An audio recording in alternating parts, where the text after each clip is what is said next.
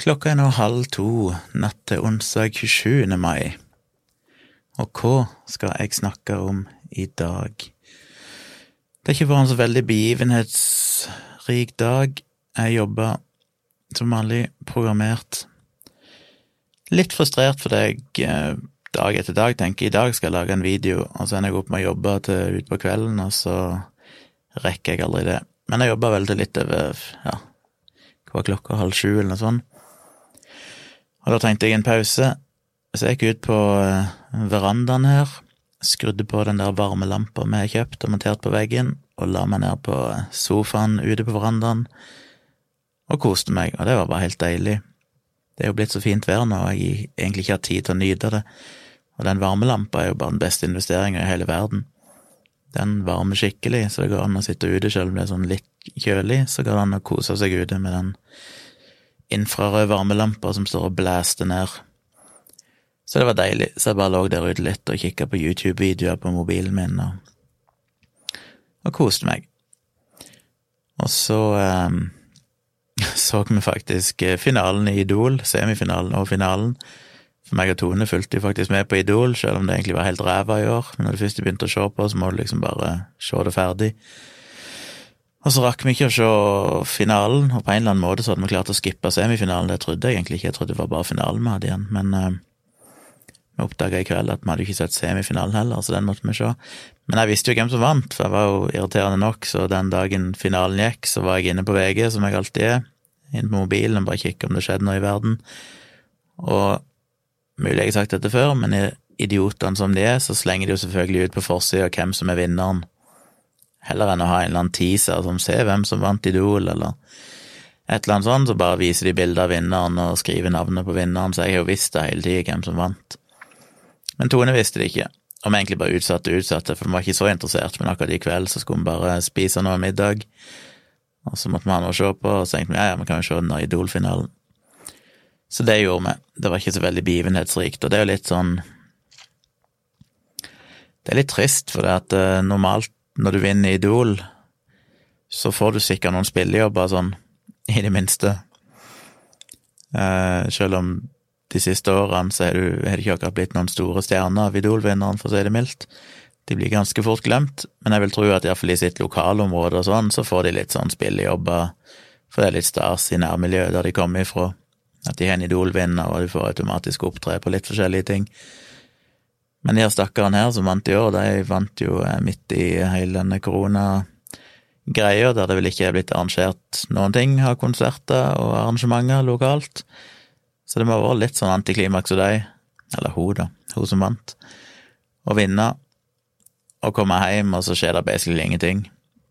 Jeg hører ingenting om henne, og hun har sikkert ikke hatt så mye muligheter til å opptre der hun kom ifra heller. Så av alle år å vinne Idol, så måtte jo dette være det verste året, i tillegg til at de har opptrådt uten publikum da helt fram til finalen, og da hadde de noen få publikummere. Men det må jo være litt antiklimaks, stakkar. Men ellers så har jeg eh, Vi kom jo med en ny episode av eh, Dialogisk i dag, og som jeg sa, så snakket vi jo litt om eh, kvantemekanikk og sånn. Det er jo altså så usedvanlig fascinerende, som jeg ranta i vei om i episoden som kom i dag. Um, dette med dobbeltspalteeksperimentet og alle paradoksene, tilsynelatende paradoksene og uforståelige tingene i kvantemekanikk. Jeg vil jo, som jeg sa i Dialogisk, virkelig anbefale folk å, å sjekke ut litt av det, eller fant noen linker til noen videoer som jeg la til i shownotes for den siste dialogiske episoden, så hvis dere går inn på på facebook.com slash dialogisk, eller bare finne fram episoden i en podkast-app eller på Spotify, så ligger vel teksten der. Vi har jo alltid en tekst som sier litt om innholdet i episoden, og så legger vi med litt lenker og sånn. Og der lenker jeg til noen videoer som blant annet forklarer dette dobbeltspalteeksperimentet. Den første videoen er jo en sånn tegnefilmaktig greie med Dr. Quantum, der de forklarer det. Det er en av de beste sånn forklaringene, synes jeg. Jeg kikka gjennom en del forskjellige forklaringer, men en del blir litt sånn for kjedelige og tekniske, og andre får ikke nødvendigvis fram poenget skikkelig. Men så kom jeg over den Dr. Quantum-videoen, som jeg faktisk har sett før noen ganger, og tenkte å yes, den må jeg se. Den er ganske gammel, tror jeg, så det er litt sånn dårlig kvalitet. Det virker som det er et eller annet gammelt TV-program de har spilt inn. Eh, men den er en veldig god forklaring av hva dobbeltspalteeksperimentet innebærer. Og jeg må bare rante litt om det, for det var én ting jeg ikke fikk sagt i episoden i går, som jeg hadde glemt vekk, som gjør alt enda mer fascinerende. Um, jeg er alltid usikker på om jeg skal begynne å prøve å forklare hva dobbeltspalteeksperimentet er for de som ikke vet det, men um, jeg skal prøve å gjøre det veldig kort. Greia er det at for lenge siden, 100 pluss år siden, så diskuterte jo fysikere vitenskapsmenn eh, lys Er lys partikler, eller en lys bølger? Og på et eller annet tidspunkt, jeg husker ikke akkurat årstallene, så var det en eh, fysiker som eh, lagde et eksperiment. Det var basert på at hvis du tenker deg at du har ja, Hvis vi begynner med vann, da, for når du tenker bølge, så tenker en ofte vannflater. Hvis du kaster en liten stein i et stillestående lite vann, så vet dere jo at det vil spre seg vannbølger utover i en sirkel. Ifra steinene utover så vil det gå fine, masse små bølger utover i sirkelform. Hvis du kaster ut to steiner, for eksempel med en meters mellomrom, så vil de bølgene spre seg ut ifra begge der steinene traff, men bølgene vil jo treffe hverandre. Bølgene fra de to steinene vil spre seg utover, og så vil de møtes og der to bølgetopper møter hverandre, altså en bølgetopp fra den ene steinen og en bølgetopp fra den andre steinen, så får du en litt ekstra kraftig bølgetopp, en litt høyere bølgetopp. Og der en bølgedal møter en annen bølgedal, så får du en litt ekstra sterk eller djup bølgedal. Men på de plassene der en bølgetopp fra den ene steinen møter en bølgedal fra den andre steinen, så kansellerer de hverandre ut, så du egentlig får stillestående vann.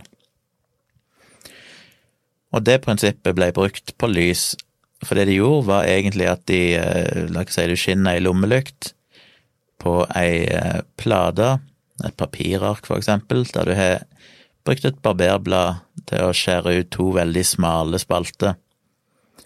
Så vil lyset, når det passerer de spaltene, så vil det òg spre seg utover på andre sida. Det vil liksom bøye lyset litt, eller skape en bølgeeffekt. Eh, eller det ser du jo ikke, da, men det var det jeg skulle vise med dette eksperimentet.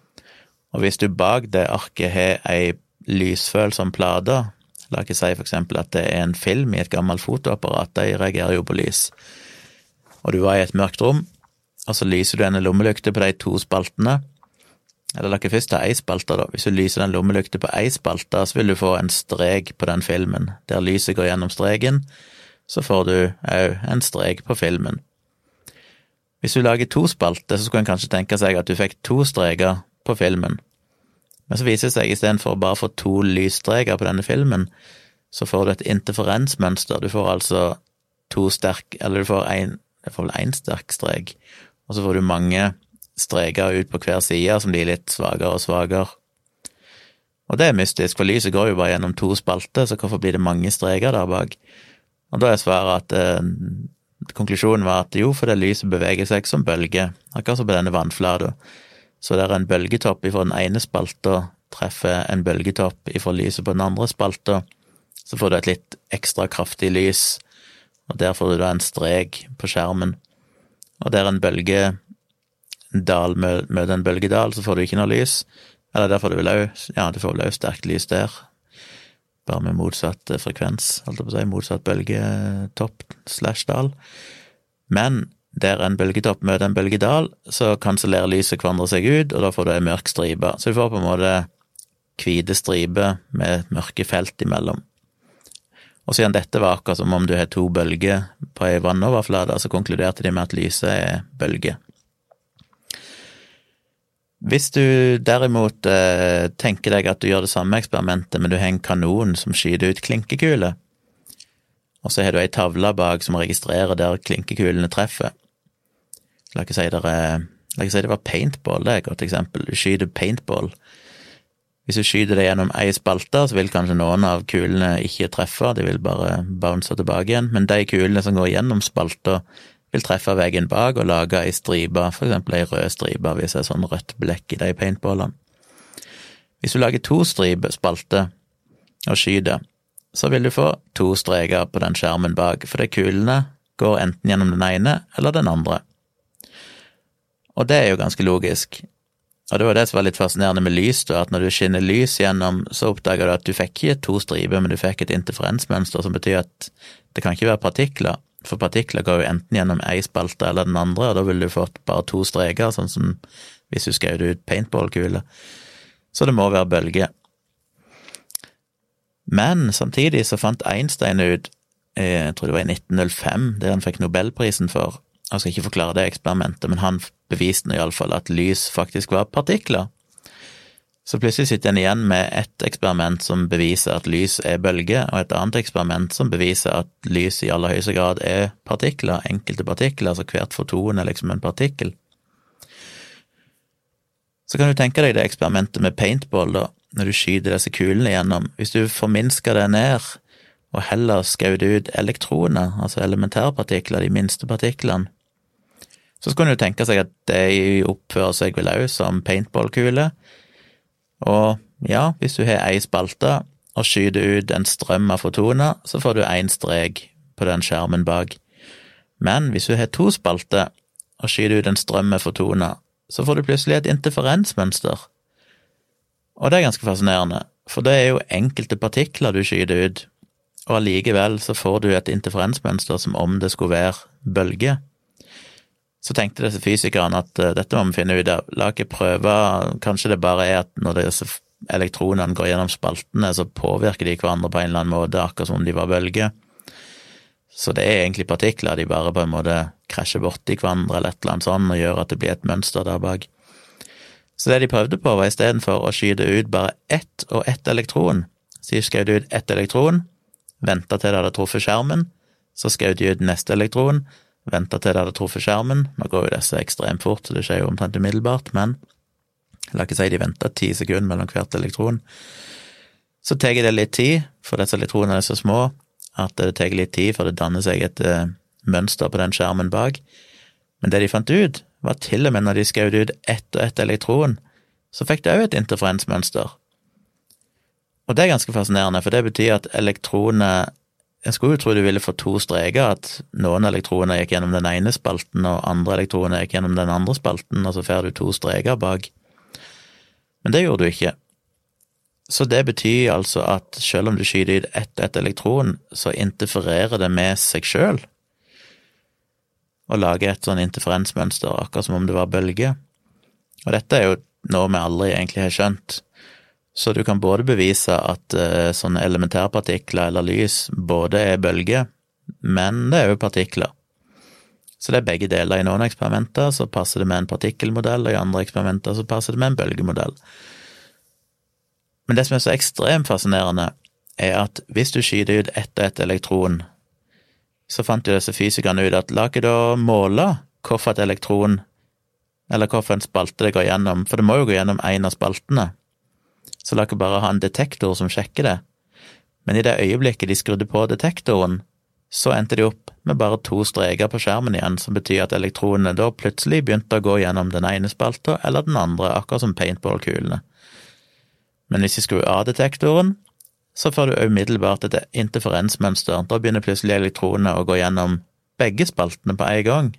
Så ett elektron på en eller annen måte slags deler seg og går gjennom spaltene og interfererer med seg sjøl og lage et mønster. Og det er jo så dypt fascinerende at bare den bare det at du har et eller annet som detekterer og måler elektronene, så forsvinner hele den effekten. Det trenger ikke være mennesker der å se på, det er ingenting med mennesker og bevissthet å gjøre, det er bare at du har en eller annen detektor som sjekker hvor elektronene er hen til enhver tid, så forsvinner den effekten. Og en av forklaringene, det finnes flere ulike forklaringer nå, men en av forklaringene er jo dette med at eh, egentlig så har alle partikler, all masse i universet, alle atomene som bygger opp kroppen din og alt rundt deg, eksisterer egentlig ikke fysisk på en måte på, på et bestemt punkt før det interagerer med noe annet, eller før det blir målt eller sett. Så det vil si at når du skyter ut ett og ett elektron, så eksisterer det egentlig teknisk sett på alle plasser samtidig, med ulike grader av sannsynlighet. Så når du, når du skyter ut elektroner, så er det ikke egentlig en partikkel du skyter ut, du skyter bare ut en slags teoretisk eh, mulighet for at dette elektronet kan være et eller annet sted. og dermed så passerer det på en måte gjennom begge spaltene, for det kan jo være alle plasser, og på baksida av spaltene så interfererer det med seg sjøl, da, og lager dette interferensmønsteret. Men i det øyeblikket du detekterer det med et måleapparat, så på en måte sier du at nå er det elektronet her. Nå er det ikke alle plasser lenger, nå er det akkurat her som jeg måler det. Og da blir det akkurat som en vanlig klinkekule eller en paintballkule, da mister det disse egenskapene som elementærpartiklene har. Så hvis dere henger med, se iallfall denne videoen, så skjønner dere dette mye bedre. Men det er nå bakgrunnen. Noen av dere har kanskje hørt om dette før og vet hva jeg snakker om. Så mye som dette snakker jeg om i dialogisk, men det jeg glemte å fortelle, det er jo det at hvis du gjør dette eksperimentet, men flytter detektoren tilbake dobbeltspaltene, sånn at partikkelen først passerer gjennom spaltene, og så detekterer du hvorfor ei spalte den gikk gjennom, heller enn å gjøre det før, så skjer akkurat det samme.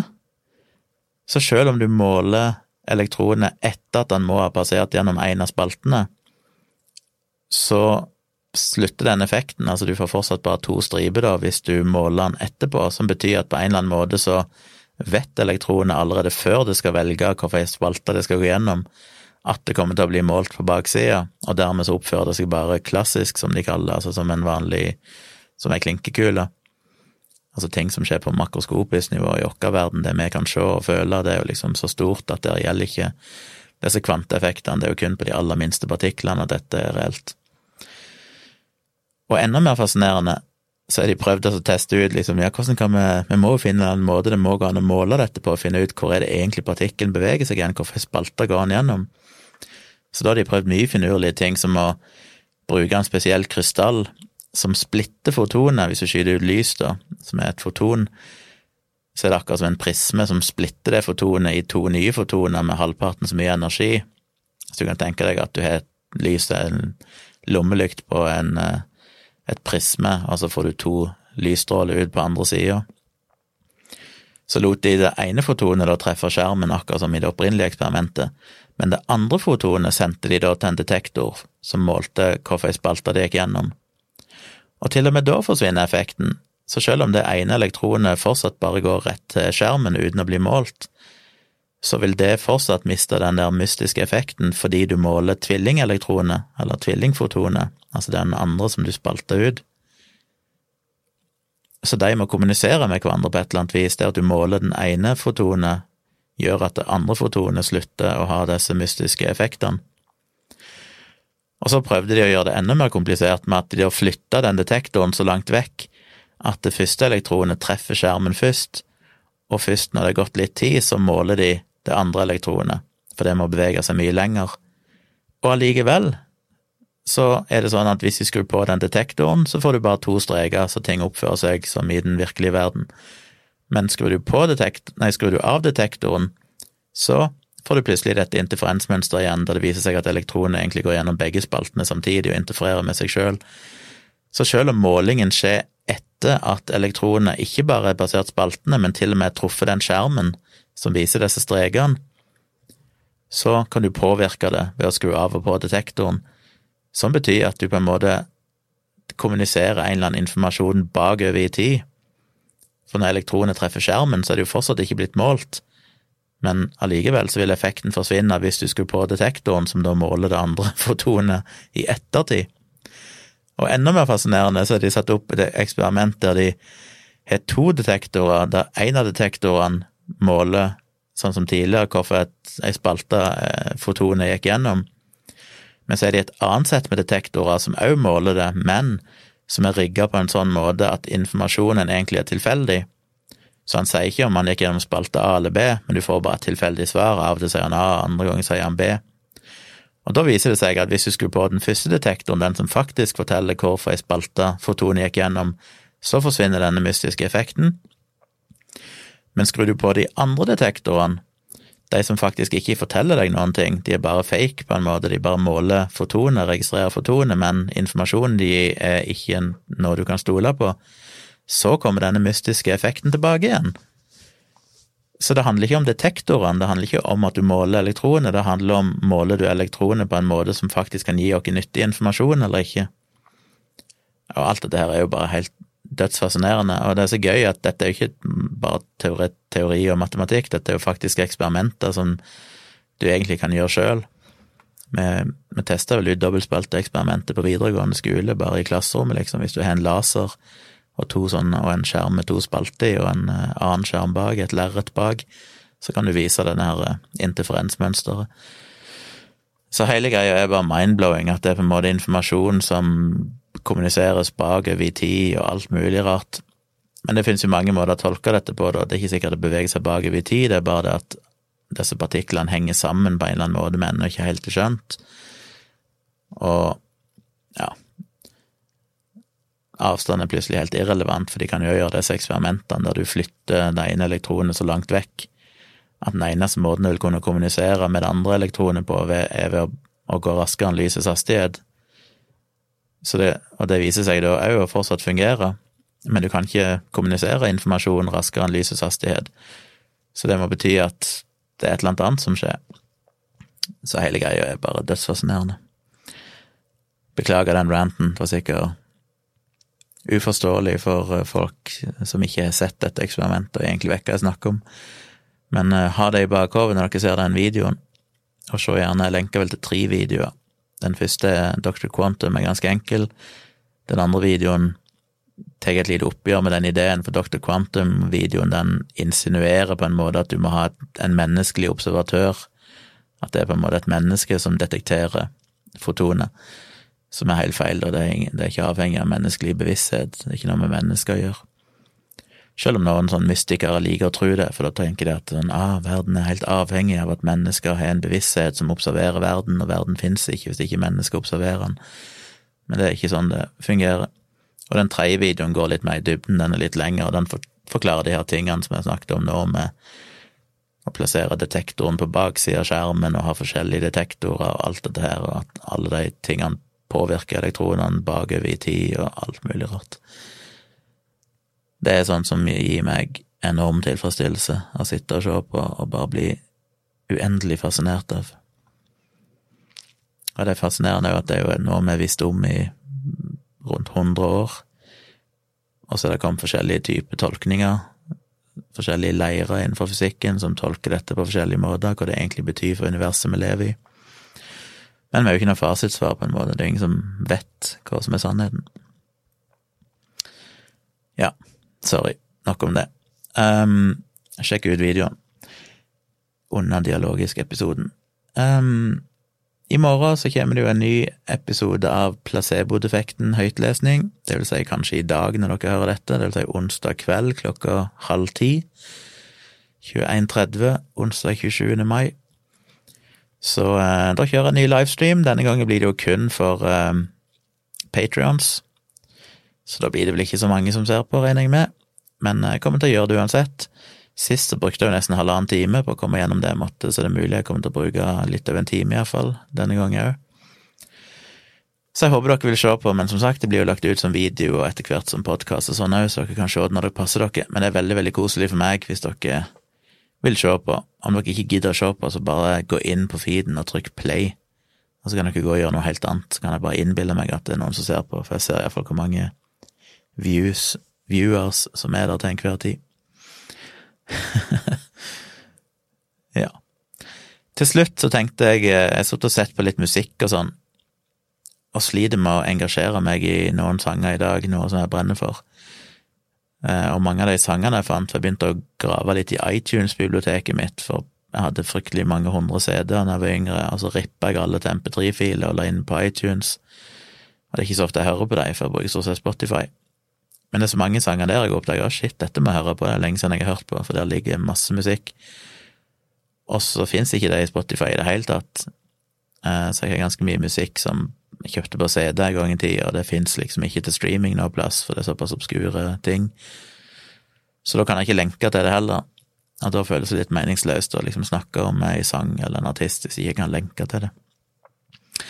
Men det jeg tenkte å gjøre, som en liten eh, goodie, det var å snakke om min egen musikk.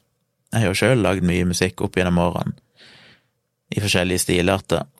Jeg hadde forskjellige band jeg var med i, og jeg spilte med noen kompiser, litt sånn sideprosjekter der vi lagde forskjellige ting. Men jeg fikk bare lyst til å dele én sang med dere. det er litt sånn flaut, men jeg er litt stolt av han òg. Det er en sang jeg skrev eh, i Når var det? Tror jeg sikkert i 1998, vil jeg tippe det var. For jeg husker jeg hadde siviltjeneste akkurat da. Jeg husker at jeg bodde da i et lite hus på Tonstad som ble betalt av staten, fordi de betalte jo hus som egentlig ikke var i militæret, så dekker de husleie, og så fikk du 30 kroner dagen eller sånn i lønn. En god lønn. Um, så der bodde jeg. Jeg kan ennå huske jeg satt på loftet i et sånn veldig gammelt, verneverdig, bitte, bitte, bitte lite hus. Uh, gammelt, gammelt, rønne av et hus, men ganske koselig. Og hadde rigga meg til med datamaskinen, en gammel PC, eller var ikke gammel i den tida, men han var gammel nå. Ganske triste greier. Det var knapt noe internett, kunne vel så vidt ringe opp på ISDN, det var vel det jeg hadde. Men jeg kan ennå huske jeg satt en natt og spilte inn den sangen, og lagde en eh, Fant en trommeloop og noe sånt som passa. Spilte inn keyboard, piano, det er en pianosolo inni der som jeg kan huske jeg satt og spilte om igjen og om igjen og om igjen helt til jeg fikk han til sånn som jeg ville ha han, og satt og svetta midt på natta der og spilte den soloen hundre ganger før jeg fikk han sånn som jeg ville ha han. Så jeg har spilt alle instrumentene sjøl, og jeg synger og korer sjøl. Det eneste noen andre gjør, er at en kompis av meg som heter Sindre, han spiller bass på sangen. Så alt er egentlig digitalt, holdt jeg på å si, eller elektronisk, bortsett fra bassgitaren, som er en vanlig elektrisk bass. Så han spiller bass på den, og så spiller jeg alt annet og synger alt det andre. Jeg har skrevet mm, tekst og melodi sjøl, og den sangen sendte vi jo inn for moro sjøl, uten at noen visste om det, så sendte man inn til noe som heter for NRK Sørlandstoppen, som var en slags sånn ti ti skuddet-lignende greie bare for Sørlandet, Agderfylkene og muligens Telemark, iallfall Agder-fylkene. Og det var sånn at det var mm, lokale artister sånn, som sendte inn musikk, og så kunne folk ringe inn og stemme på dem. Så du ringte inn helt til du hørte en sånn bekreftelse, så måtte du legge på, så kunne du ringe på nytt hvis du ville stemme en gang til. Så du måtte bare ringe om igjen og om igjen og om igjen og slå dette nummeret og vente til du fikk en sånn lyd som bekreftet at stemmen var mottatt, og så måtte du gjøre det på nytt og på nytt. Dette er gamle dager, vet du, det var ikke noe SMS-stemming eller internettstemming og sånn. Det var old school. Så vi sendte han inn, bare for moro skyld. Han ble tatt med og spilt, og så vant vi jammen meg. Og så vant vi uka etterpå òg, og så vant vi uka etterpå òg, så vi lå inne flere uker, og det var litt gøy, for da var det jo bare tilfeldige, ukjente folk på Sørlandet som tydeligvis hørte sangen på NRK radio, og likte han så godt at de stemte han opp til topps. Så vi lå jo på toppen der noen uker, og det var litt kult. Jeg syns det er en fin sang. Jeg er ikke verdens beste vokalist, men eh, det høres vel greit nok ut. Jeg syns teksten òg er ganske sår, for så vidt. Uh, ja. Jeg syns det er en fengende liten melodi. Så jeg tenkte rett og slett å uh, poste den etter denne podkasten, så legger jeg ut denne postkastepisoden nå i øyeblikk, og så skal jeg poste den sangen som en egen audiopost etterpå. Så kan dere jo høre den, så er det gøy å få kommentarer. Jeg trenger ikke skrive at det er dritt, det trenger jeg ikke å høre. Men hvis dere syns det er fint, så skriv gjerne det, eller like posten i det minste, så, så er det hyggelig å høre hva dere syns om den sangen. Kanskje jeg poster flere sanger, jeg har lagd fryktelig mye sanger. Den er jo som sagt veldig sånn poppete, kommersiell, 90-talls eh, Husk at jeg lager på 90-tallet. Det er ikke et helt moderne lydbilde, for å si det mildt. Men den er en poppete og trivelig melodi, men jeg har jo lagd mer rocka ting og mer alternative ting og mye annet forskjellige stilarter, så den representerer ikke alt jeg har drevet på med av musikk, men det er én av tingene, én stilart jeg jobba med. Så den heter Feeling Better Now. Jeg kommer til å poste den etterpå. Det er en sånn tre-fire minutter sang, hør gjerne på den. Gi meg en feedback hvis dere vil. Så kommer det kanskje mer musikk i framtida som dere får høre inne på Patrion. Så da blir det live eh, livelesing av placebo-defekten i morgen kveld, og så spiller jeg vel inn en liten episode etter det òg. Så vi snakkes igjen, høres igjen i morgen.